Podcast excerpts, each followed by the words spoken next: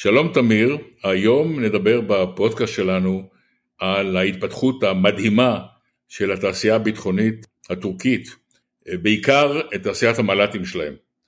להזכיר, אה, לפני הרבה שנים הטורקים רכשו מישראל, מהתעשייה האווירית, מל"טים מדגם הרון אחד, מהר מאוד הבינו שיש להם יכולות והם צריכים להשתמש בהם גם כדי לפתח מל"טים וגם למכור אותם בעולם. כיום הטורקים, חברת בעיקר בעיקר, מוכרת מל"טים מדגמים שונים כמעט לכל מדינה בעולם וזה מייצר תחרות קשה מאוד לתעשיית המל"טים הישראלית שעד לפני כמה שנים הייתה מהמובילות בעולם וכרגע מאבדת מהמעמד שהיה לה וזה דבר שמדאיג מאוד את התעשיות הביטחוניות בישראל, שכן הטורקים לא מטילים מגבלות ייצוא על, ה, על עסקות המל"טים כמו שמשרד הביטחון הישראלי מטיל מגבלות על עסקות ייצוא כאלה למדינות זרות.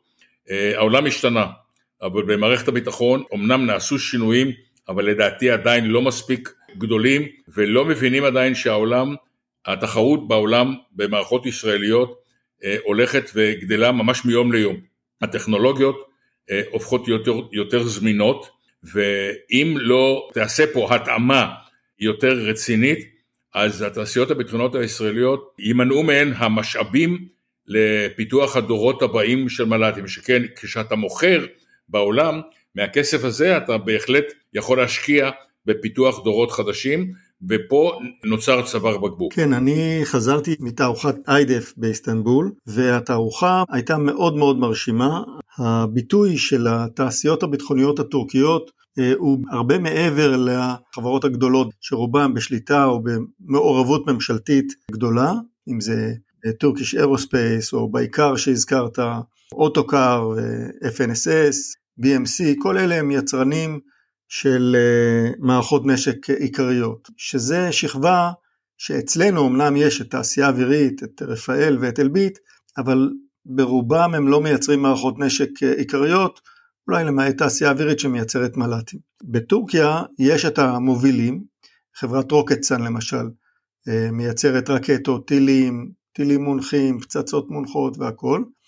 חברת BMC מייצרת טנקים. אה, בדומה למפעל המרכבה שלנו, אבל שם זו חברה בבעלות אה, פרטית ממשלתית אה, עם חברים בצמרת והם כמובן, הם מרכיבים בעצם את הטנקים.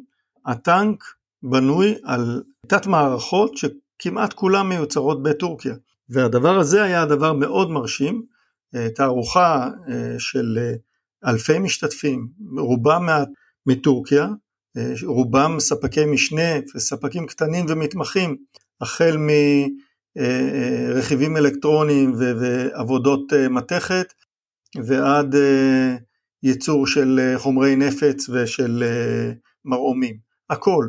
זה מאפשר לטורקים להיות כמעט עצמאים בשרשרת האספקה ומצמצם את התלות שלהם בספקים זרים. אם אתה זוכר והזכרת את הנושא של מכירות ישראליות של כלי טיס לא מאוישים לטורקיה. נכון, מכרנו להם כמה הרונים, הם למדו את המלאכה, והיום יש שתי חברות גדולות, אחת מהן היא אירוספייס, והשנייה בעיקר.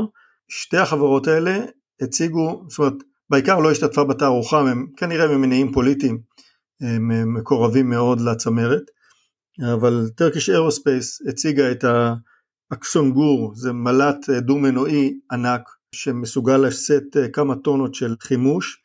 הם הציגו חימושים גדולים, אה, דומים לטיל הרמפאג' שאלביט ותעשייה אווירית פיתחו למטוסי אה, קרב, אצל הטורקים הטילים האלה עולים על מל"טים. מל"ט יכול לסחוב טיל אחד כזה או שניים, בעיקר פיתחה את המל"ט הקינצ'י, שגם הוא יכול לשאת חימושים כבדים כאלה, לטווח גדול מאוד, אה, יכול להגיע ל-150 קילומטר. אה, זה לא צחוק הדבר הזה, וזו המדינה הראשונה בעולם שמסוגלת אה, לשגר חימוש כל כך כבד מטווח כל כך רחוק מכלי טיס לא מאויש. כך שבהחלט נקודת זכות. הטורקים מפתחים גם מל"ט לויאל ווינגמן, מל"ט שמסוגל לפעול יחד עם מטוס מאויש ולבצע משימות בשליטת הטייס. יכולת כזאת היא יכולת שכיום מפתחים אותה בארצות הברית ואוסטרליה, רוסיה וסין במידה מסוימת, וטורקיה ניצבת במקום מאוד מכובד. כך שהדברים האלה היו מאוד מודגשים שם. נושא של חימושים אה, למל"טים, מגוון עצום, אה, למל"טים קטנים, היכולת הזאת התחילה את דרכה בארץ, אבל אה, אנחנו בגלל המדיניות המפוקפקת של הייצוא הביטחוני, אנחנו לא יכלנו לא לייצא ולא לדבר על הדברים האלה, כך שאנחנו בתודעת העולם נשארנו מאחור, למרות שהיינו המובילים בתחום. גם בתחום הרקם, הרכב הקרבי, יש אה, הרבה מאוד פעילות בטורקיה. אה, מה שהפתיע בתערוכה הזאת היו כלים אה, זחליים לא מאוישים, ברמה מתקדמת מאוד, לפחות שלושה אני ראיתי שם. טנק מערכה נקרא אלטאי, הופיע שם כטנק מאוד מתקדם, למרות שהסיכוי להגיע לייצור של הטנק הזה הוא כרגע לא נראה בקרוב. נושא נוסף, כלי השיט.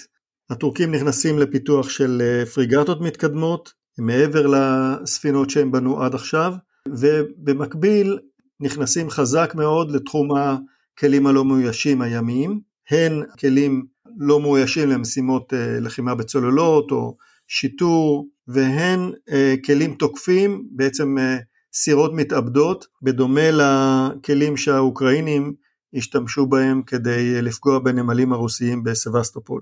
כך ראינו לא מעט דברים חדשים, תצוגה מרשימה מאוד של הטורקים, ומעניין לאן כל התהליך הזה יביא אותם. עד כאן לגבי טורקיה והתפתחות התעשיות הביטחוניות שם, בהחלט נושא לתשומת לב ישראלית, מכיוון שמתפתח לנו כאן מתחרה מאוד מאוד חזק. אנחנו נמשיך ונעקוב אחרי הדברים, נדווח בפודקאסטים הבאים. תודה אריה ולהתראות.